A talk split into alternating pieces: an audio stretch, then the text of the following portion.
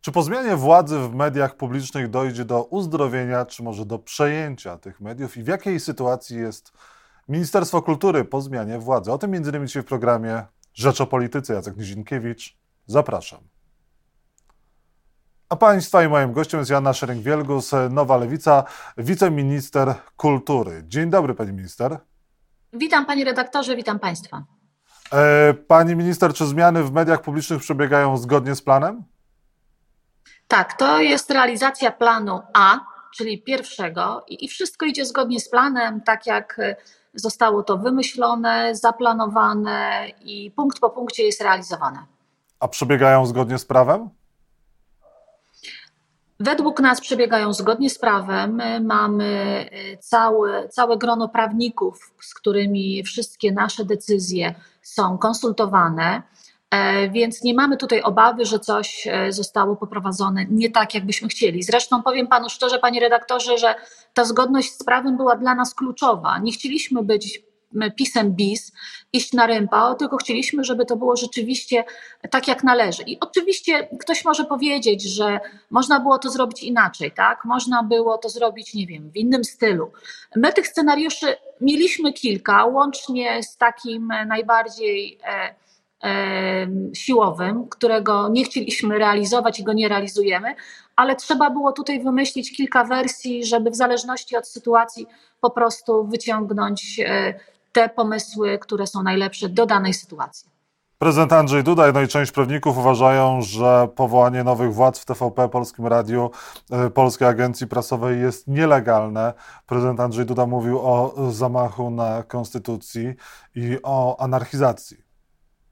To zadziwiające, że prezydent Andrzej Duda po ośmiu latach nagle odzywa się w kwestii mediów publicznych. Jestem zdziwiona, że osiem lat temu, kiedy powstawał organ e, Rada Mediów Narodowych, prezydent Andrzej Duda nie zareagował jako strażnik konstytucji. To wtedy, osiem lat temu, w 2016 roku, prezydent Andrzej Duda powinien zaprotestować, że taki organ nie powinien powstać. Od 2016 roku mamy sukcesywne e, łamanie prawa, bo Rada Mediów Narodowych nie jest tym organem, organem, która powinna wybierać zarządy spółek, czy w telewizji publicznej, czy w radiu, czy w papie. Ale nie jest tak, że te obrazki, które widzieliśmy, są jednak gorszące również dla pani. Wchodzenia siłą. Posłanka Prawa i Sprawiedliwości została poturbowana, wyłączanie sygnału, e, nie było wiadomości, nie było teleekspresu przez jeden dzień. Tak to powinno wyglądać? Panie redaktorze, rzeczywiście obrazki są gorszące, ale dla obozu Prawa i Sprawiedliwości, bo to jest jakimś, wie pan, jakąś aberracją, że politycy jednej z partii wchodzą do budynków mediów publicznych i okupują ten budynek. Politycy powinni wchodzić do mediów wtedy, kiedy są zapraszani do programu, a nie po to, żeby okupować, siadam ta, siadam ta, siadać na krzesłach i nie wiem, biegać po korytarzach. I to rzeczywiście jest kuriozum z zachowania polityków e, Prawa i Sprawiedliwości. Ja nie wiem, co się wydarzyło w przypadku e, pani posłanki Borowiak, bo nawet nie ma filmów, które moglibyśmy zobaczyć z tej akcji. Oczywiście nigdy nikt nie powinien być poturbowany, natomiast jeżeli chodzi o działania ze strony ministerstwa, to do tych budynków weszli ludzie, którzy prawnicy, nie żadni bojówkarze, nie żadni silni mężczyźni, jak to próbuje Prawo i Sprawiedliwość powiedzieć, tylko prawnicy albo, nie wiem, prezes, prezes zarządu, prezes telewizji, którzy zostali prawnie powołani przez ministra kultury i dziedzictwa narodowego. No tak, ale tam widać jednak na zdjęciach e, rosłych mężczyzn, którzy się przepychają między innymi z posłami Prawa i Sprawiedliwości, więc to nie tylko weszli ci e, pracownicy nowi, którzy zostali powołani przez minister, ministra kultury Bartłomieja Sienkiewicza. No, nie, nie udało się jakoś... Nie wiem, e, ja nie wiem, kim byli ci rośli mężczyźni, o których Pan mówi, bo rzeczywiście to oglądałam. Natomiast, Panie redaktorze, wiadomo też jest, że Prawu i Sprawiedliwości bardzo, bardzo zależało na tym, żeby pokazać takie obrazki, że przepychają się, że nie są wpuszczani.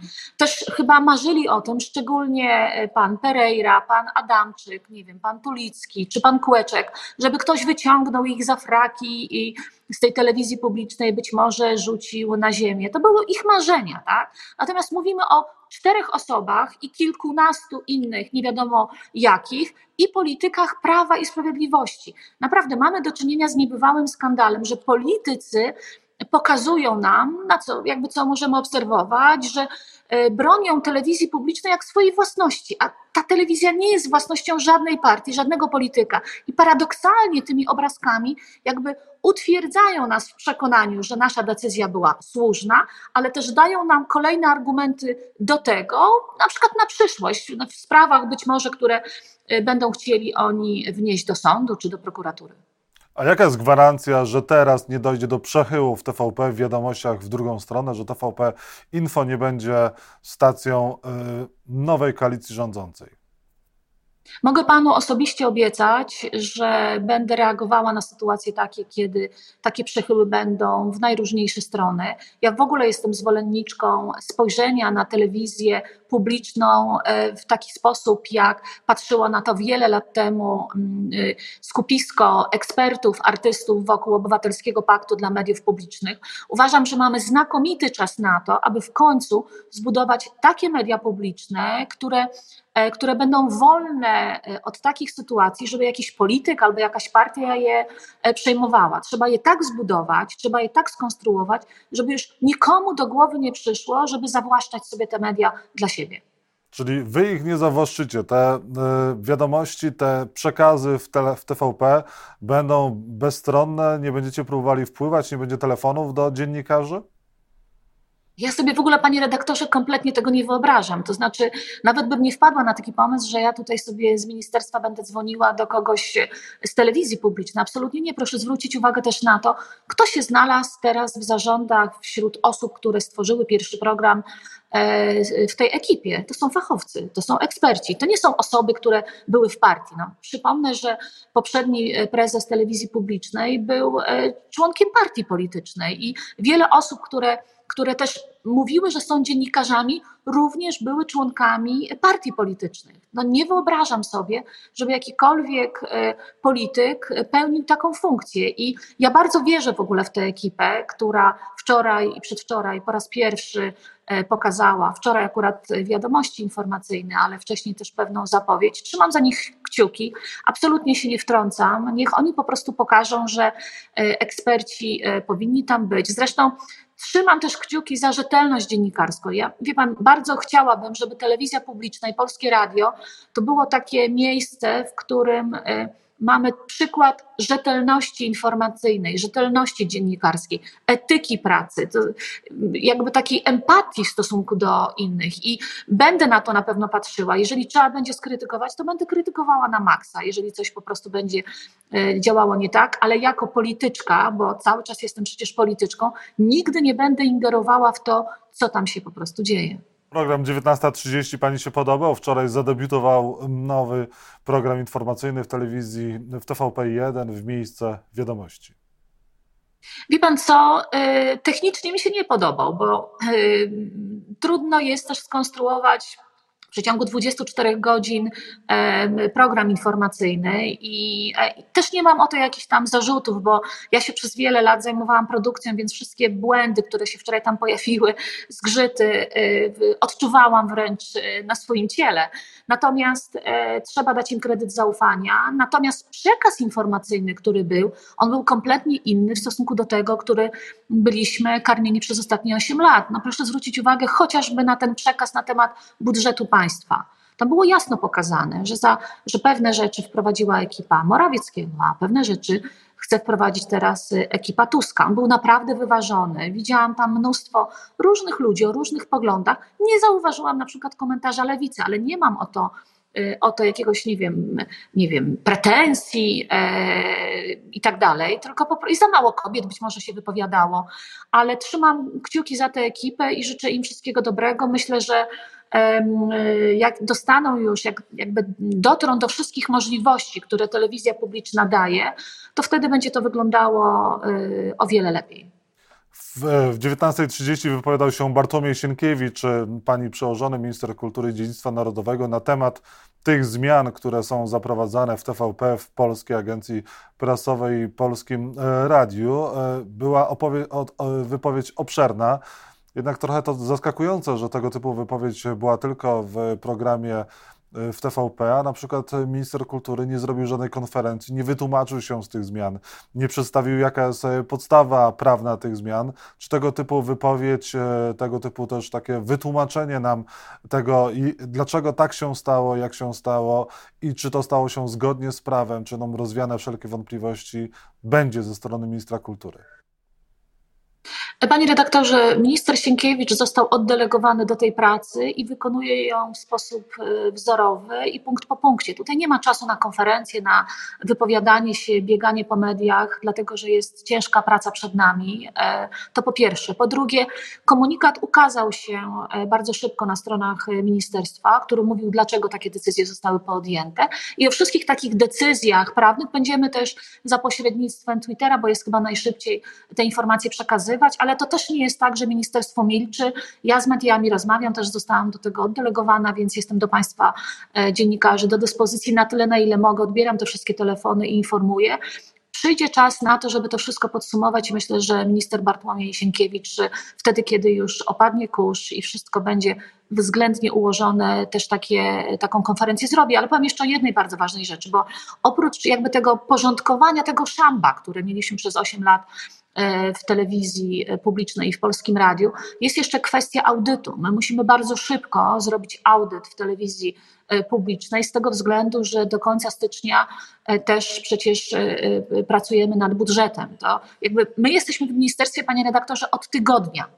Od tygodnia pracujemy, to jest 7 dni. Ja tutaj siedzę 7 dni od rana do wieczora i w nocy i również moi, moi koledzy, koleżanki, minister Sienkiewicz wszyscy, którzy jakby z nami współpracują. To było naprawdę 7 bardzo intensywnych dni i to nikt się tutaj nie skarży, bo bardzo nam na tym zależy. Ta praca w ogóle, powiem tak zupełnie osobiście, jest fascynująca, ciekawa i bardzo się cieszę, że w tym wszystkim uczestniczę. Ale budżet jest kluczowy i audyt w telewizji jest publicznej kluczowy z tego względu, że mamy chociażby już zawiadomienie do prokuratury złożone przez Najwyższą Izbę Kontroli i my wiemy, że jakby ten bałagan finansowy, zarządczy w telewizji publicznej był, bo jak ja czytam raport NIK-u i słyszę o tych e, wynagrodzeniach kilku w zasadzie osób w telewizji publicznej i to, jak e, to wszystko wyglądało, to po prostu łapie się, panie redaktorze, za głowę. Więc to też jest ważna kwestia, którą minister Sienkiewicz też teraz się zajmuje.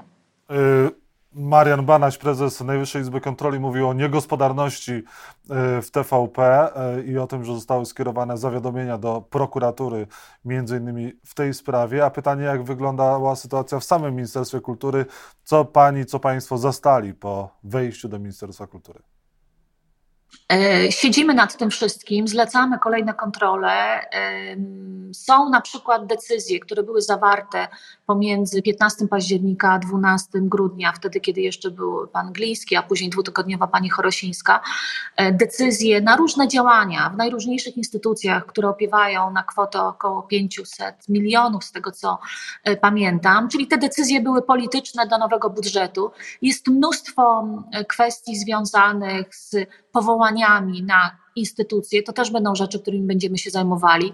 Jest mnóstwo kwestii związanych z, wydatkowaniem pieniędzy na przykład do takich organizacji jak organizacja pana Bąkiewicza, który przecież też pojawił się w telewizji publicznej jako e, asystent pana hejtera Mateckiego ze Szczecina. Wiemy, że asystentem nie jest, więc to też było e, bardzo takie dziwne i skandaliczne. Dużo rzeczy y, przed nami. Na razie też jakby o takich szczegółach nie chcemy mówić, bo mówię, no w 7 dni też tego się nie da.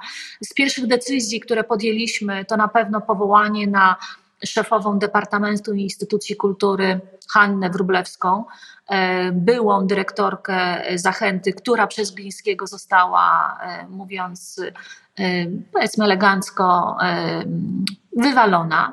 E, i został tam stawiony człowiek Glińskiego, który tej funkcji nie powinien pełnić. No, powiem panu, że przed nami dużo ciekawych zmian, które będziemy sukcesywnie w, realizować krok po kroku, ale te zmiany będą tylko i wyłącznie w jednym duchu. Kultura musi być niezależna. Artyści muszą czuć wolność w wyrażaniu, nie wiem, swoich, e, swoich pomysłów e, na sztukę.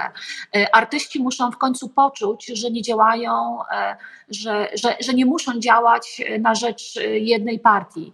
I to jest jakby kluczowe, ale też dla mnie kluczowe jest to, żeby ta kultura nie była kulturą taką zaściankową, którą próbował nam narzucić minister Gliński, ale żeby ta niezależność naprawdę się rozlała. Ja po prostu marzę o tym, żeby ci artyści, którzy są trochę 10 centymetrów nad ziemią, jednak e, cały czas nad tą ziemią trochę pozostali, a my będziemy umożliwiali im te działania. I ostatnie pytanie. Sejm nie przyjął uchwały w sprawie potępiającej zachowanie Grzegorza Brauna, ponieważ Prawo i Sprawiedliwość chciało tam również dodać e, poprawkę o tym, że również są potępiane zachowania godzące w chrześcijan. Jednym z przypadków podawanych na usprawiedliwienie tego było pani zakłócenie mszy e, świętej. No i internauci pytają, czy pani również zamierza zakłócać tegoroczną pasterkę. Mówiąc już e, całkowicie poważnie, czy pani żałuje swojego gestu?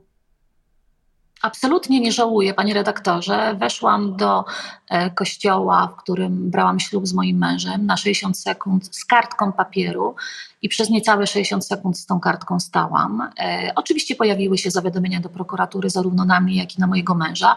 Wygraliśmy te sprawy, są prawomocne wyroki w tej kwestii. Mało tego, e, podczas przesłuchań jednego z księży, który brał udział E, w, tej, e, w tych 60 sekundach wtedy na tej mszy. Ten ksiądz wyraźnie powiedział, że nie zostały urażone jego uczucia religijne. Nie mam sobie absolutnie nic do zarzucenia. Jako osoba, która jest we wspólnocie cały czas, to powtarzam, wspólnocie katolickiej, mam prawo wypowiadać się na temat e, działania tego kościoła, który to kościół wprowadził politykę do, w, swoje, w swoje mury. To kościół, przecież panie redaktorze, wprowadził polityków Prawa i Sprawiedliwości na ambonę. To politycy Prawa i Sprawiedliwości z ambony wielokrotnie zabierali głos i zakłócali jakby nie tylko msze, ale w ogóle to, to miejsce swoimi politycznymi przekazami. Więc to moje 60-sekundowe wejście do kościoła było takim takim sprzeciwem wobec tego, żeby Kościół się wtrącał w nasze intymne życie, wobec tego, co Kościół ostatnio robi. I e, absolutnie nie żałuję e, tego, e, dlatego że jakby też wyszłam tam w swojej sprawie, ale też w sprawie wielu kobiet, które sprzeciwiają się temu fatalnemu wyrokowi Trybunału Julii Przyłębskiej odnośnie aborcji. Jana Szereg-Wielgus, wiceminister kultury, Nowa Lewica była Państwa i moim gościem. Bardzo dziękuję za rozmowę. Wesołych świąt, panie redaktorze, wesołych świąt dla wszystkich Państwa. Dziękuję, wszystkiego dobrego, wesołych świąt. Wszystkiego dobrego.